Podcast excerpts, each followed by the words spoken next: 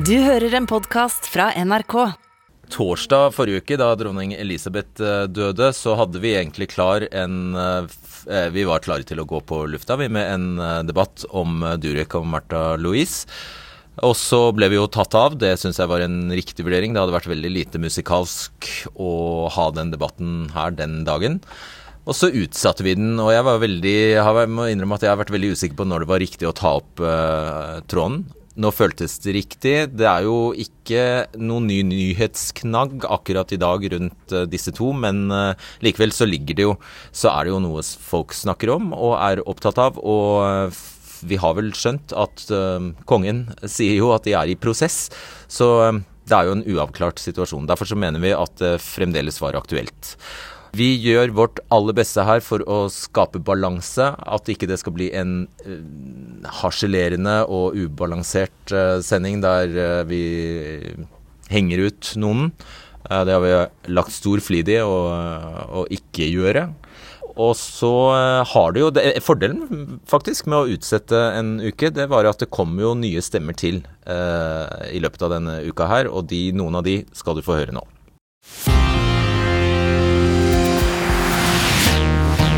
Velkommen til debatten.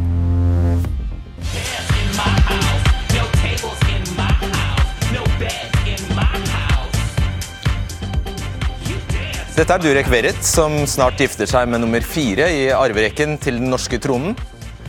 Er det uproblematisk for kongehuset og det norske folk, eller bør kongen gripe inn? Ja, Det er temaet i kveld. La oss aller først bruke litt tid på å forstå hvilken kraft sjaman Durek mener han har. Altså hvilken kraft som gjør ham i stand til å bli frisk av covid uten medisiner, redde mennesker fra kreft og hjelpe kvinner som har fått avtrykk i vagina etter mange sexpartnere. Hvilken kraft er dette? Jo, Verrett sier selv historien startet da han var på reise i den greske oldtidsbyen Efesos da han var i 20-årene. Han sier han hørte en veldig klar stemme som sa at han skulle ta med seg penn og papir og gå en tur for seg selv. Der opplevde han å få en åpenbaring da han møtte noen kjempehøye vesener. De var høyere enn trær. Og de sa de skulle gi ham noe hellig som ville forandre verden. Og så ga de ham dette symbolet. Kvinterium. De sa dette gir folk tilbake styrken deres. Alt folk har glemt om seg selv, vil de huske. Og de ba Verrett om å holde dette symbolet skjult i minst 17 år. Fordi verden ville ikke være klar for denne informasjonen, energien og frekvensen. And after 17 years, I unveiled it to the world. And I created an amazing product called the Spirit Optimizer, which I put the Quintarium on, which also has a lot of earth energies in it. And this powerful symbol connects you back to your powerful energy. Ja, så Denne kraften kaller altså Verret kvinterium, og symbolet går igjen på flere produkter som er til salgs i nettbutikken hans. Og Her kan man kjøpe alt fra hundemat til kaffekopper. Og her ser vi forloveden prinsesse Märtha Louise reklamere for dette cruiset som kan bli ditt for 211 norske kroner. Velkommen, eh, Elian Lorentzen. Tusen takk. Dette handler om Verret, men det handler også om at alle, også prinsesser, skal få elske den de vil. Og jeg vet at du er veldig opptatt av prinsessen. Du har vært det siden hun startet Engelskolen i 2007. Og nå har du også begynt en ja, du driver en Facebook-side som heter 'For oss som støtter Märtha Louise'. Hvorfor gjør du det? Egentlig så har det jo handla om at for det første så har jeg jo bestandig likt kongehuset vårt. Men det handler om at egentlig respekt. Og jeg syns at når Martha starta Engleskolen, så fikk hun en forferdelig kritikk. Og både da og nå mener jo jeg at media vrir og vender på alt både hun og Durek sier, egentlig. Så jeg starta egentlig bare for den, for jeg syns det var så hjerteskjærende, all denne kritikken som hun måtte stå i. Og jeg tenker at hun er jo en av de modigste personene vi har i Norge, som, som står i det her år etter år. Og er fattelig sterk. Og som ikke kan ta igjen? Hva sa du? Ja, Og som ikke kan ta igjen? Ja, på en måte så gjør hun ikke det. Jeg tenker at hun er så god. Jeg, jeg føler jo at det bare lyser kjærlighet av henne. Hun er Egentlig tror jeg hun er en bauta som går i bresjen her, fordi at jeg tror at alt det her som de prater om, eh, som er alternativt Jeg tror vitenskapen og det her kommer til å gå hånd i hånd om noen år. Og da tror jeg hun Martha viser veien. Hun er et lys, egentlig. Så nå har det jo kanskje toppet seg med kritikk de siste ukene og dagene. Hva syns du om det du ser? Nei, jeg syns det er veldig trist, og jeg syns at uh, som jeg sier, media vrir og vender på alt de sier. Og jeg syns jo at han Durek har forklart så mange ganger på at han ikke har sagt at han har brukt denne medaljongen. Han har ikke sagt at han kan ta bort kreft, eller at man får en avstøpning. Det handler om energier. Vet du hva, Du skal få komme tilbake straks ja. og utdype hva ja. du mener med energier. Eh, foreløpig takk, ja. Elian. Ja, prinsesse Märtha Louise er fast kongelig beskytter for seks organisasjoner. I forrige uke fortalte NRK at Epilepsiforbundet har brutt samarbeidet med prinsessen, og deretter fulgte Foreningen for muskelsyke, som gjorde det samme. Norsk Revmatikerforbund vurderer å avslutte, og sier det er en utfordring for dem fordi forbundet baserer seg på legevitenskapen. Og De skal ta opp saken på neste landsmøte. Velkommen Jørn Sibeko fra Epilepsiforbundet. Takk for det. Velkommen Ståle Hatlili fra Nor Norges Døvforbund. Og Mari Gjerstad, velkommen til deg. Du er fra Holistisk Forbund. Takk. Jeg starter med deg, Jørn Sibeko. Du er altså assisterende generalsekretær heter det, i Epilepsiforbundet. Hvorfor brøt dere med Märtha? Det var en eh, helhetlig vurdering av hva Epilepsiforbundet var eh, tjent med, som ble gjort av styret vårt. Men det er jo ingen hemmelighet at eh, uttalelsene til Durek Verret, og spesielt de som gikk på at man kunne tenke seg fri fra kreft, hadde en, hadde en stor betydning for, for, beslutningen. Det hadde det, altså. Ja. Men det, jo, det kommer ut av hans munn, ikke Martha Louises munn? Nei, men uh, vi som forbund representerer mennesker som kan ta stor skade av den type, uh, den type budskap. Uh, og vi har ikke råd til å være noe annet enn helt entydig i vår avstandstagen fra, fra det. Så dere straffer prinsessen for noe forloveden har sagt? Det er ingen straff at vi, at vi ikke søker om forlengelse av, av, et eh, samarbeid. Dette samarbeidet for oss handler jo også om å, å kunne fremme eh, vår sak, vårt budskap. Og i den grad eh, beskytterskapet kan, kan bidra til at vårt budskap eh, kommer mindre klart fram, eller man stiller spørsmålstegn til hvordan vi stiller oss til Durek Beirets påstander, så, så, eh, så, er det ikke lenger grunnlag for å, for å, videreføre det. Og For ordens skyld, eh, dere brøt dette samarbeidet, eller det vil si formelt sett ikke fornyet samarbeidsavtalen faktisk for to år siden. Men denne medaljongen og alt, alle disse uttalelsene til Durek Verret de har kommet lenge etter det? Ja, Medaljongen kom etter det, men på det tidspunktet så hadde han eh, allerede uttalt at man kunne tenke seg fri fra kreft. Alright. Ståle Hatlelid, du er styremedlem i Norges eh, døveforbund. Dere i ditt forbund har nylig vedtatt at dere vil beholde Märtha Louise som kongelig beskytter. Hvorfor det? Hun har jo vært vår beskytter i 23 år. Og stilt opp på viktige markeringer, f.eks. vårt 100-årsjubileum.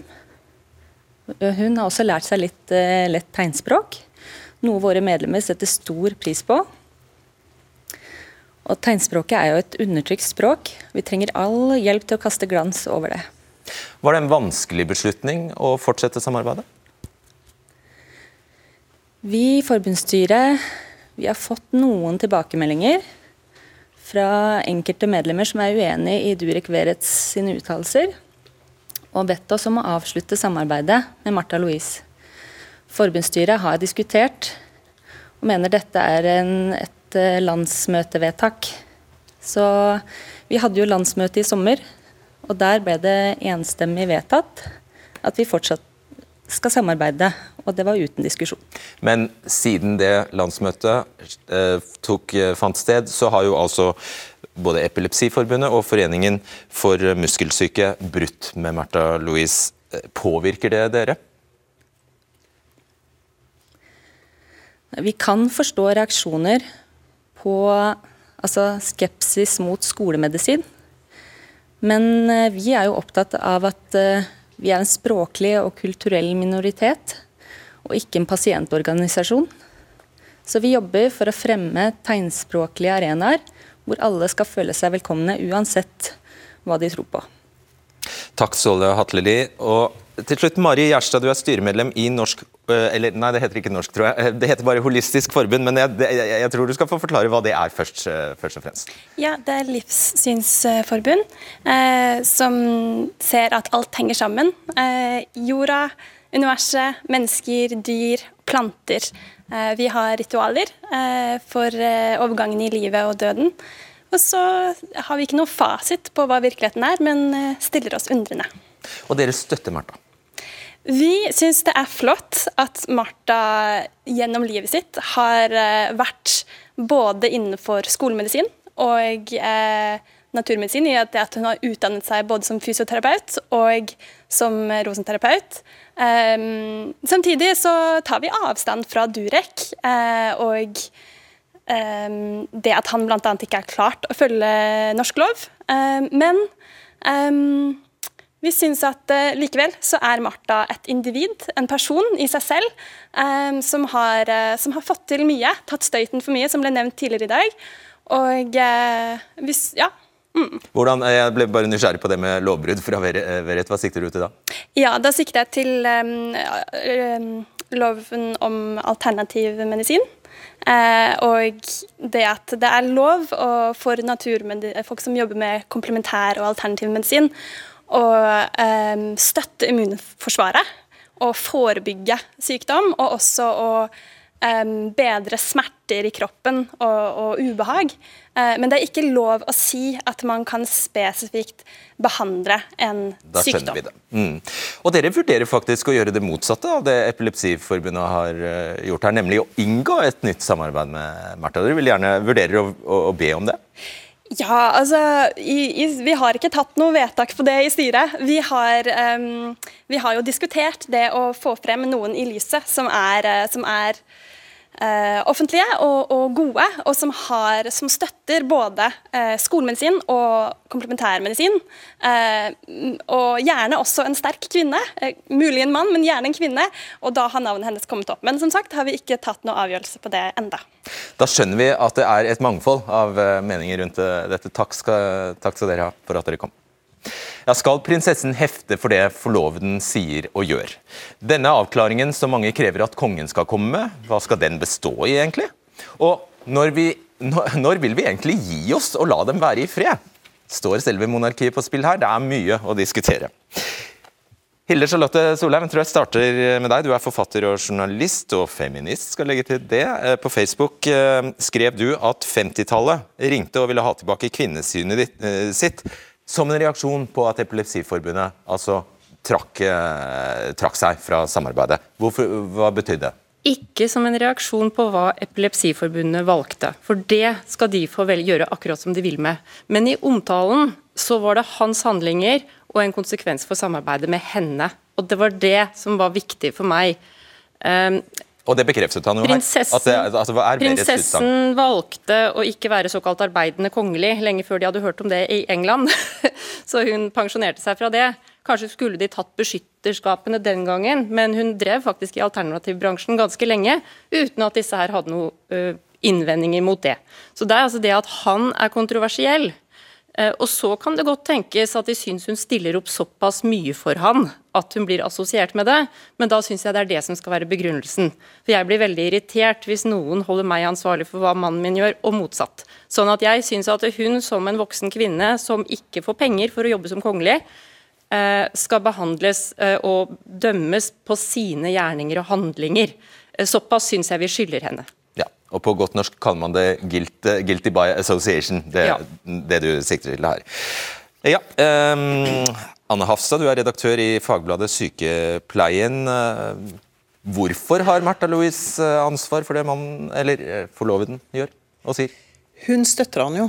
Hvis man følger henne på Instagram og går inn og ser hun Han kom med en bok. Nå ble riktignok det verste kapitlet tatt ut etter at Katrine Krøger i Dagbladet hudflettet boken. Det er der han sier at barn som får kreft, det er selvpåført. Du kan tenke deg frisk. Jeg er utdannet kreftsykepleier, jeg har jobbet med alvorlig syke og døende. Eh, og det er farlig. Og du lurer alvorlig syke mennesker, og du prøver å få dem til å tro på noe. Men Det er svarer helt du egentlig på spørsmålet mitt? Ja. Hvorfor skal Märtha Louise Fordi straffes hun, for det han sier? Hvis jeg får fullføre. så fordi at Det hun gjør da han kom med boken, var at det kom en harang av hvor fantastisk denne boken var fra Märtha Louise. Med andre ord, hun går ut offentlig, støtter hans påstander om at kreft kan du tenke deg frisk fra. Da støtter jeg de foreningene som sier at dette er ikke forenlig eh, med den tilliten vi trenger i samfunnet. Ja, og det er en begrunnelse. Eh, Og Da regner jeg med det, og da syns jeg også media kan være såpass presis. Og så har jo da disse organisasjonene levd med at hun har vært i alternativbransjen i ganske lang tid. Og nå er hennes jobb å drive med hest og strikkegensere, så sånn sett så er jo hennes kommersielle virke eh, mindre eh, skummelt enn noen gang. Og da er det jo det at hun har en, kontroversiell mann som er problemet. Og kan, hun kan jo nesten ikke gjøre noe mer enn å begynne å bruke et etternavn hun finner på, da for å kommunisere at hun ikke jobber for kongehuset. Så er hvem som er faren hennes, det vet vi alle sammen, men hun er ikke en del av kongehuset, selv om hun er med i familien. Hun blir et, en slags kvalitetsgaranti eh, for hans eh, kommersielle virksomhet, som eh, ut fra et faglig ståsted eh, handler om i beste fall å, å forlede folk i sårbare situasjoner. er det noen kvakksalver i norsk historie som er blitt mer avkledd? Altså, det, han blir så utrolig ettergått. Altså, hvis du skriver navnet hans, så ser du så ekstremt mange advarsler mot det han driver med. Jeg skulle kjøpe meg en hårbørste i går, og der ligger det altså i frisørsalongen eh, krystaller, altså stener, som lover omtrent det samme. Vi har eh, en lege i Norge som er profilert på såkalt funksjonell medisin, som selger prakker på folk kjempedyre helsetester. Eh, Og eh, anbefaler at barn skal på diett mot lekt tarm. Sånn at, eh, for å si Det sånn, det er mye vi skal ta tak i. Men de får ikke Men de blir altså ikke fullt så hardt imøtegått. Hvis noen ikke har fått med seg at det Durek driver med, mest sannsynlig ikke virker i det hele tatt, da har de levd under en stein. Forskjellen på, på dem du nevner og Durek Verret er at han får en gratis reklameplakat og han får et kvalitetsstempel fra det norske kongehus via henne. Fra og Imøtegåelsen er altså så massiv at hvis noen ikke får det med seg, så er det nesten som om jeg hopper fra en klippe. Men, men du, eh, jeg har sett alvorlig syke mennesker. De er sårbare. De leser, de, leter desperat etter noen som kan fortelle dem at dette skal Men da synes jeg klare vi skal gjennomføre kvakksalveloven. Sånn at vi kan gå på, gå på det som faktisk claimes, for det er jo det som er hårreisende. ikke Vi har en markedsføringslov som sier at du må kunne dokumentere Ja, påstandene dine. og det er han faktisk blitt kåla på. Så da syns jeg vi kan stramme til det på faktisk den virksomheten. Og da skal du få forlate oss, faktisk. fordi det, for det. aller viktigste vet jeg du hadde på hjertet, det var nettopp eh, dette her, at hun ikke skal stå ansvarlig og heftes ved han, eh, hans utdannelser. Så Hun har har vi- sagt hun vil bygge seg en helt annen karriere, og det har hun gjort, og det syns jeg hun skal få lov til. Og så må han da tåle å bli skutt ned når han går ut og claimer ting som er helt ellevilt. Takk skal du ha, Hilde Charlotte Solheim. Og nå skal jeg bare Jeg tror alle skjønner at vi har selvfølgelig spurt både Durek Verret og eh, prinsesse Märtha Louise om de ville stå her i dette studioet i kveld. Det ønsket de ikke. Men det er vi veldig glad for at eh, du eh, gjør, Hanne Kristin Rode. Du er forfatter og sier at prinsessen utsettes for en heksejakt. Hvordan da? Jo, Det syns jeg er ganske opplagt. og Jeg er jo veldig enig med vedkommende som forlot studio nå, i at hun utsettes for et råkjør. Og Jeg kommer jo selv fra politietaten, utdannet jurist. Jeg har vært i politiet i 25 år, og jeg har en viss eh, trening i å se hvilke argumenter som holder i retten og ikke. og Nå skal vi ikke kjøre noe rettssak mot verken Verrett eller Märtha Louise, men diskusjonen, debatten i media, det blir en saus. Og Det det egentlig handler om, sånn som jeg ser det, det er at vi er i 2022, hvor en kvinne faktisk blir gjort ansvarlig for sin forlovedes utsagn. Eh, og at foreninger velger å ikke lenger ha tillit til henne som beskytter. Enda Aftenposten skrev da beskytterskap fungerer som anerkjennelse av organisasjoner og arrangementer. Og jeg har ikke fanget opp at Märtha Louise ikke anerkjenner disse foreningenes arbeid. Hun, jeg har aldri fanget opp at hun ikke er tilhenger av skolemedisin. Eh, Så for meg så blir Durek helt uvedkommende. Vi kan godt mene ganske mye om hans påstander og hans virke, og vi kan mene ganske mye om at syke mennesker må beskyttes mot å bli lurt. Men at hun skal bli utsatt for et råkjør som jeg mener til dels er medieskapt, eh, fordi hennes tilkommende mener noe som er svært kontroversielt i norske Men da kunne øyne. hun bare ha gått ut og sagt at jeg, vet hva, jeg tar avstand fra det og det og det. eh, Hvorfor skal hun måtte det? Dette syns jeg er helt innlysende. Jeg kan gjenta det hun sa, at hvis jeg hadde måttet eh, gå ut og dementere pussige utsagn fra min mann, så hadde jeg blitt ganske irritert. Og så stiller jeg også spørsmålet, eh, hvis vi hadde hatt en prins i dette eh, tilfellet, som da var, eh, sto i ferd med å bli gift med en kvinne som hadde disse synspunktene. Ville vi hatt den samme diskusjonen? Og det er jeg søren ikke sikker på. Og dette er en alarmklokke. Dette her syns jeg, for å spisse det litt, er en moderne heksebrenning. Vi forfølger henne igjen. Fordi hun er kvinne? Igjen. For igjen, fordi ja, delvis fordi hun er kvinne, men også hun er det modigste mennesket vi har i Norge. Hun står så klippestøtt på sin verdisyn og sitt verdenssyn, og hun er i sin fulle rett i et land som Norge til å forfekte det hun tror på. Men det han sier, har, slik jeg ser det, ingenting med hennes beskytterrolle å gjøre. Greit. Da, dere skal få slippe til straks. Det, er litt viktig at vi henger med på det de faktisk gjør på internett, eh, disse to. Så Derfor så ønsker jeg velkommen til deg, eh, kongereporter i Hør, Karoline Vagle. Slettes ikke alle som ser på nå, eh, er aktive på sosiale medier. Kanskje minst på TikTok, vil jeg tippe. Kanskje noe på Instagram. Eh, Nå skal vi, Det var fordomsfullt sagt. Nå skal vi gi, gi de som ikke følger like med, nøye med som deg, Karoline Vagle, en liten innføring i hva Durek eh, og Märtha Louise gjør på spesielt Instagram, tror jeg vi skal konsentrere oss om. Ja, hva er det her? Dette er profilen hans på Instagram. Hva er det vi ser her? Du, her ser vi det som er hans eh, både markedsføringskanal eh, og et sånn privat album hvor han deler eh, stort og smått som skjer i livet hans. Alt fra konfirmasjon i Norge med prinsesser og barna, til at han har gitt ut musikk. Ja, det har vi hørt mye om i det siste. Han, han gir ut musikk. Eh, han, han har også eh, spirituelle kurs, healing. Så han både selv og del av det private livet sitt. Eh, han har også legget ut produkter som, er med link i bio, som er øverst der, hvor man kan gå inn på nettsidene og kjøpe. Vi ser bl.a. den Spirit Optimizer, som er den medaljongen som har vært debattert så mye den siste tida. Ja, Den koster 222 dollar i nettbutikken hans. Eh, så, det, også, så vi ser at det er, eh, ja, det er litt av hvert på hans side, men så skal vi snakke om det som kalles tagging. Hva er det? Du, det er når eh, Durek legger ut noe, og vi ser eh, prinsesse Märtha Louise sitt navn står her, så betyr det at han har på en måte linka henne til det innlegget han har gjort. Noe som jeg tenker eh, må jo bety at hun også eh, står inne for det som blir lagt ut. Eh, vi ser at han tagger henne både med den kontoen som heter Princess Martha Louise og I am Martha Louise. Det var forskjellen på de. Hun har to kontoer. Hun har to kontoer. Eh, I 2019 så ble det bestemt at Märtha ikke skulle bruke tittelen sin i kommersielle sammenhenger. Da laga hun fornuftig nok den I am Marte Louise, hvor vi ser at hun eh, selger hestegenserne sine, del fra eh, øyeblikket hun har med jentene sine. Eh, ja, både kommersielt og privat hos hun òg. Så har vi den andre kontoen som heter Princess Märtha Louise, som bare da skal være en offisiell kanal. Eh, Hun bruker den dog ikke så mye. Eh, senest tror jeg det første innlegget her var i fjor. Eh, mens Durek han ser vi at tagger begge. Ja, og Hva er problematisk med at han tagger begge Märtha Louise? Nei, da tagger han jo den prinsesse Martha Louise eh, som eh, knytter henne til eh, prinsesserollen, og som eh, Der hun er en representant for det norske kongehuset. Ja.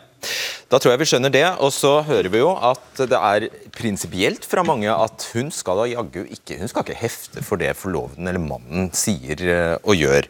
At hun Ja. Men så har vi eksempler på at hun sitter ikke bare og nikker ved siden av ham. Hva er det vi ser her?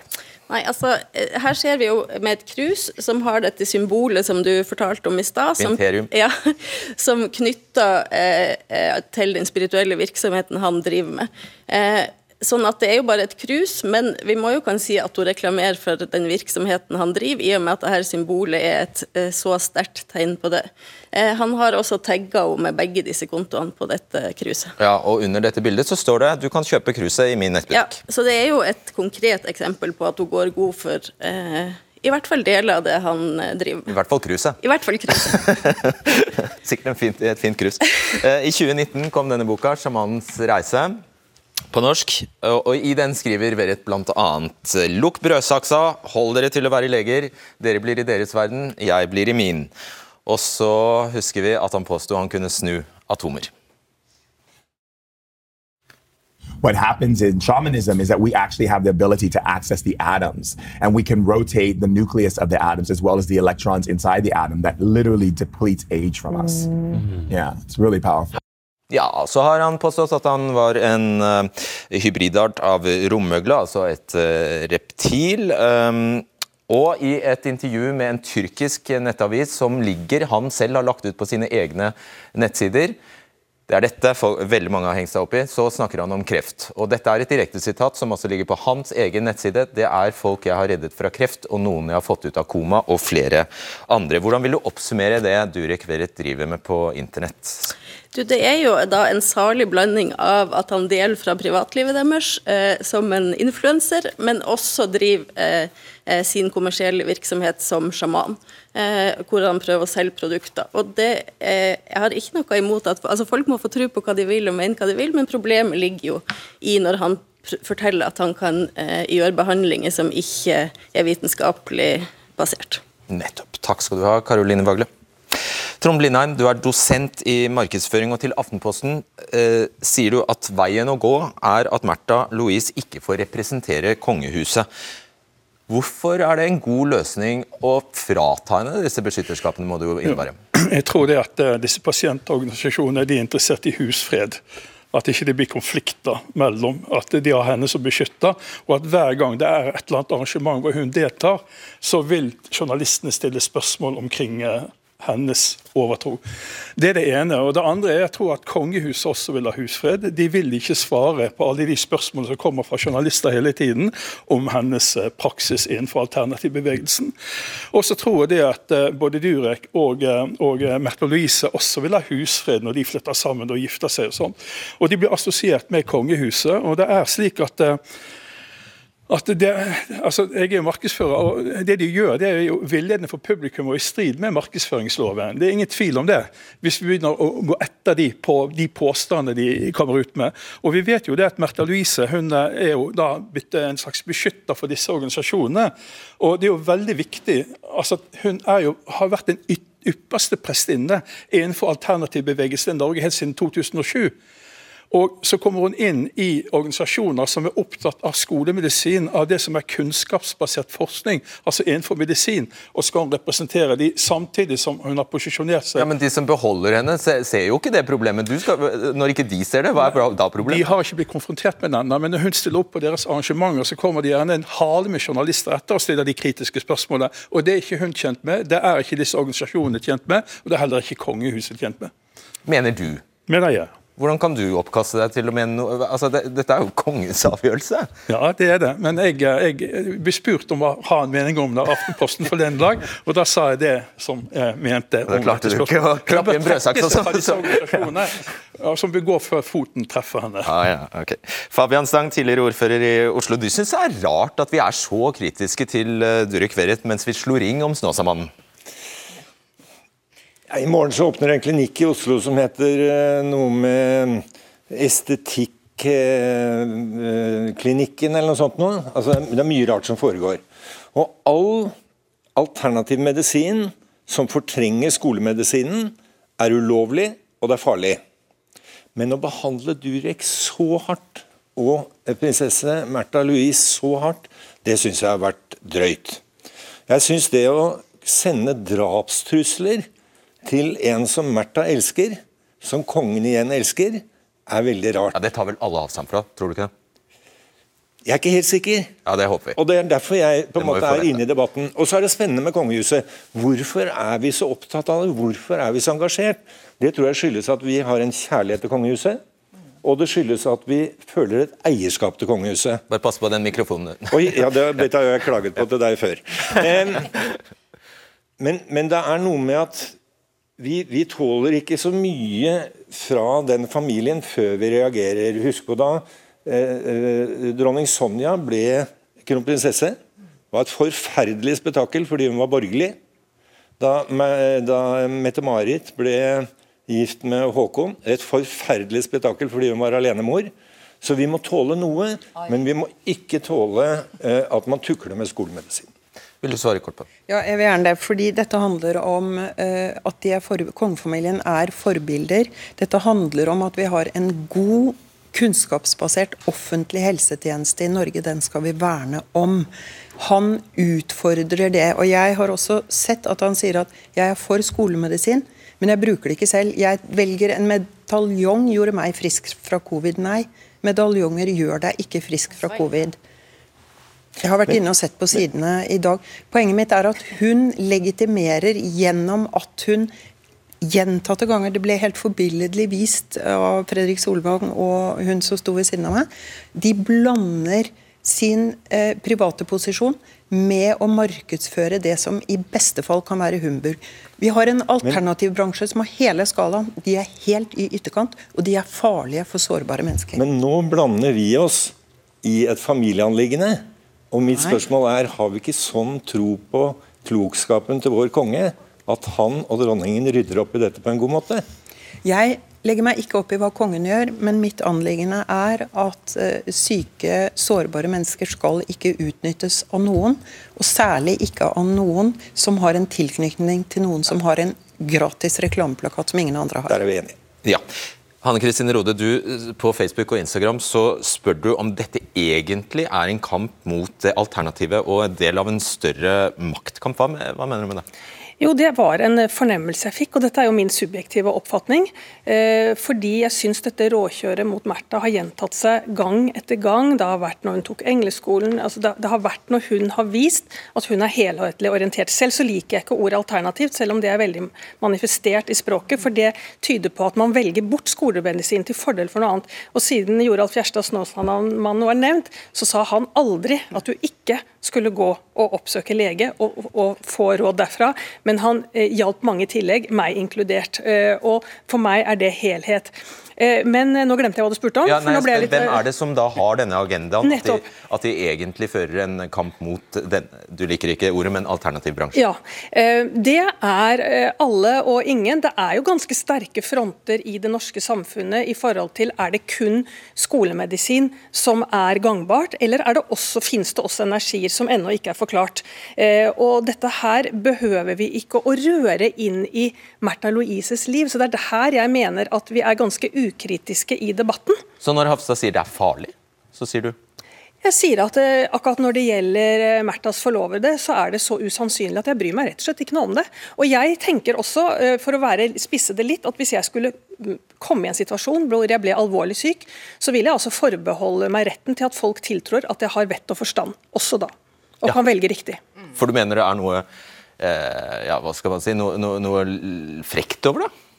Det ligger en frekk antydning i at, at man ikke har vett og forstand? da? Det ligger en antydning i at mennesker som er alvorlig syke, ikke kan ta gode valg. og den, eh, altså Det å generalisere det er veldig farlig. Og Jeg tror eh, at mennesker som ville finne på å kjøpe f.eks. den medaljongen, de ville gjort det også som friske. Og Dette er en veldig stor eh, diskusjon som ikke har noe med å gjøre om Märtha skal være beskytter å gjøre. Trond Norén Isaksen, du er historiker og forfatter. Vi har sett deg mye de siste dagene. Det er godt å ha deg her. Takk. Eh, hva mener du Märtha Louise og for så vidt eh, kongehuset kan gjøre? Altså, jeg er jo enig i at Man skal ikke stille henne til ansvar for uh, hva hennes forlovede gjør. Men samtidig så er det jo også en rollesammenblanding her. og Det går jo delvis på det at hun og han promoterer hverandre. De har uh, seanser sammen, de markedsfører hverandre. Men man har også det problemet at når man blir medlem av en kongefamilie, og da enten om man er mann eller kvinne som gifter seg inn i kongefamilien, så eller om man er født inn i den, så uansett hva man gjør, så reflekterer det på kongefamilien. Og det er et veldig vanskelig problem, for, du har ikke bedt om å bli født inn i en kongefamilie. Du kan jobbe din egen karriere, allikevel så reflekterer det på kongehuset. Og nå har man kommet til et punkt hvor man opplever at ord som sjarlatan, svindel, eh, kvakksalveri nevnes i samme setning som kongefamilien. Det er et problem for, deres, for dem at det stilles spørsmål ved deres integritet. For man kan aldri skille helt det private og det offisielle. Man er alltid kongelig. Man kan ikke gå inn og ut av den rollen. Hvilke alternativer ser du her? Altså Et alternativ er jo kanskje at hun hadde gjort klart eh, hva hun står for eh, av det han mener. Eh, Han sier jo hele tiden at har dere spurt henne, dere må spørre henne. Pressen har spurt henne 100 ganger, hun vil ikke svare på hva hun står innenfor av det han kommer med. En annen mulighet kunne jo være, som det også ble nevnt her, at hun slutter å representere kongehuset fullstendig. Da skaper man en større avstand mellom henne og institusjonen. Men igjen, hun representerer kongehuset så sjelden at jeg er ikke helt sikker på om det kunne gjøre den store forskjellen. Mens da den siste utveien, som også er den mest drastiske, og som bør være siste utvei, det er jo da å ta, eller at hun gir fra seg eh, prinsessetittelen. Og da vil hun jo stå så å si helt fritt til å gjøre hva hun vil, og kan da si at vi har skapt en klar distanse. Dette er på ingen måte en del av kongefamilien eller kongehusets uh, virke. Og Hvis det siste skulle skje, da er hun ute av arverekkefølgen, som også er et visst element her? Ikke nødvendigvis. Hun kan jo velge å frasi seg tittelen og si at ok, hun sier at det er en veldig viktig del av hennes identitet. Hun vil ikke gjøre det. I alles liv så finnes det noe som er større enn hensynet til en selv. Hun kan gjøre det for å gjøre livet lettere for sin far og sin bror. Men også hvis hun gifter seg, og det ikke er gitt formell tillatelse eh, av kongen etter å ha rådført seg med statsministeren, så mister hun arveretten til tronen. og denne forlovelsen ble kunngjort uten at eh, kongen hadde rådført seg med statsministeren, som var helt ukjent med dette da den ble offentliggjort, og det har ikke skjedd før. Så det er også en konstitusjonell side ved det. Hun må, faktisk, hun må fortsatt ha farens, farens, eller farens tillatelse? Sånn fungerer det i monarkiet, ja, ifølge Grunnloven. og man, selvfølgelig Kongen lar dem velge selv hvem de skal gifte seg med, og det er jo en veldig sympatisk side. Sånn bør det også være. Men igjen, det er noe med det formelle, at man må gi den konstitusjonelle samtykke for at arveretten skal eh, bevares. Mm. Eh, hva syns du om disse alternativene? blir nesten stum. Nei, jeg jeg vet egentlig ikke. Eh, jeg tenker jo sånn som du sier, at det her er en heksejakt, egentlig.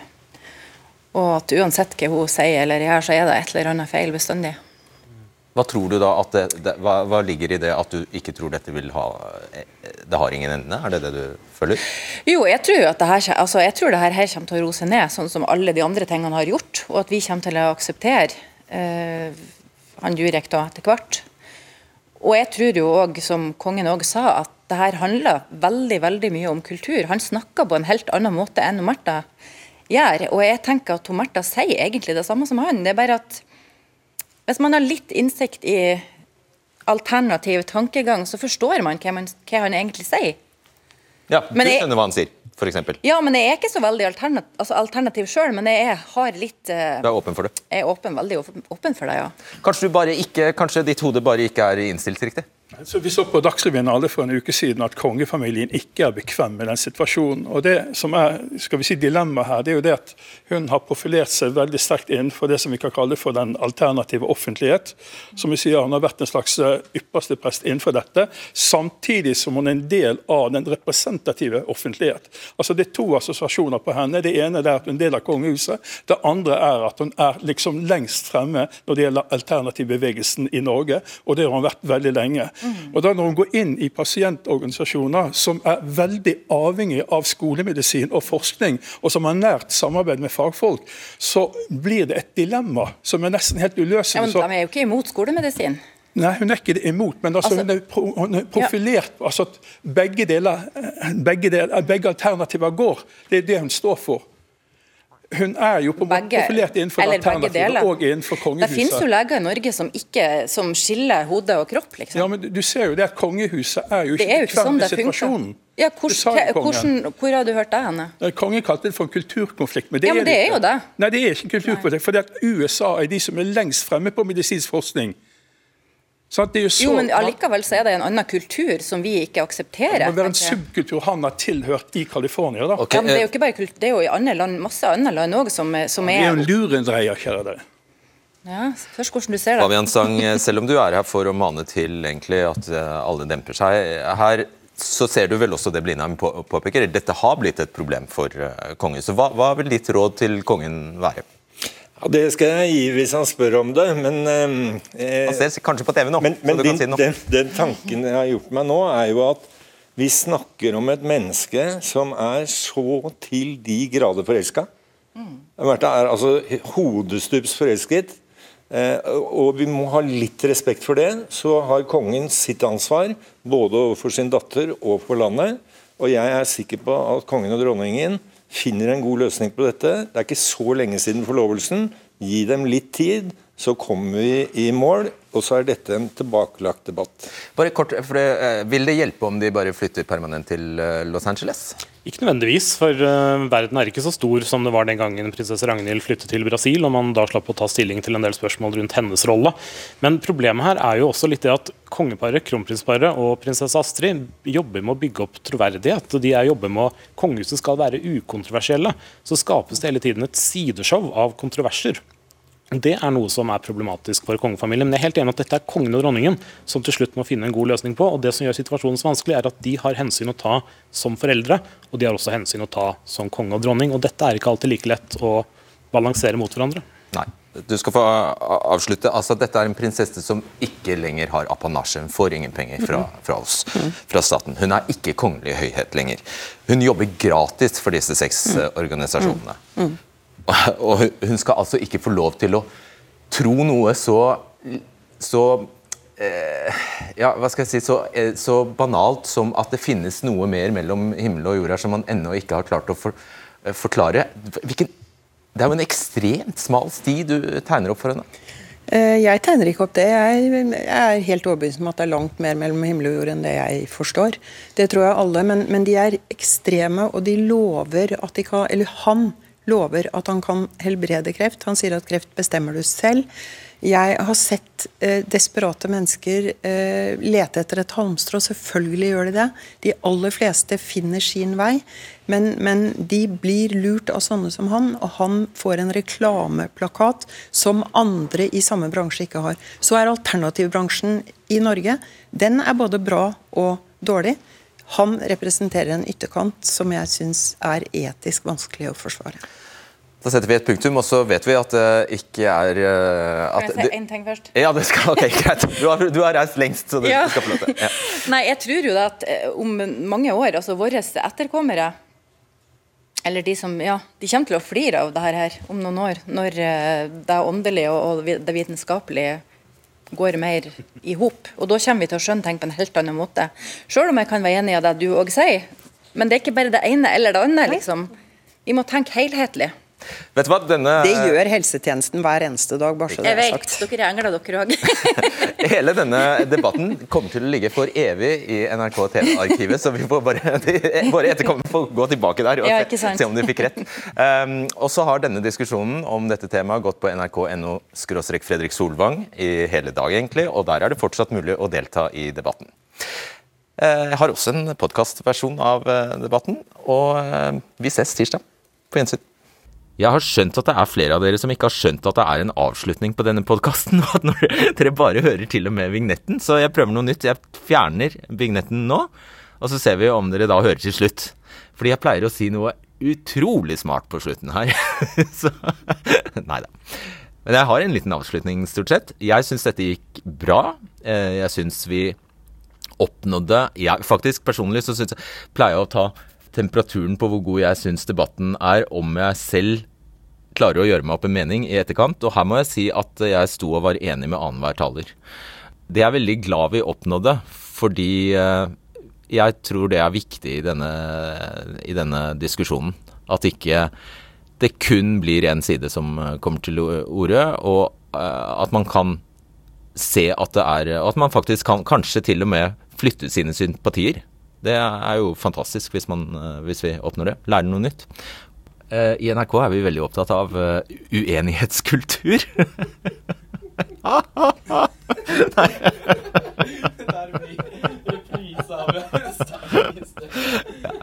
Um, nei, vi, vi, jeg vet at det er eh, veldig mange, og i undersøkelser så bekreftes det at det er veldig mange som er ute etter konstruktiv journalistikk, såkalt. Eller det vil si at ikke, de, de misliker rett og slett bare krangling, og uh, at det bare blir munnhuggeri og ordkløyveri.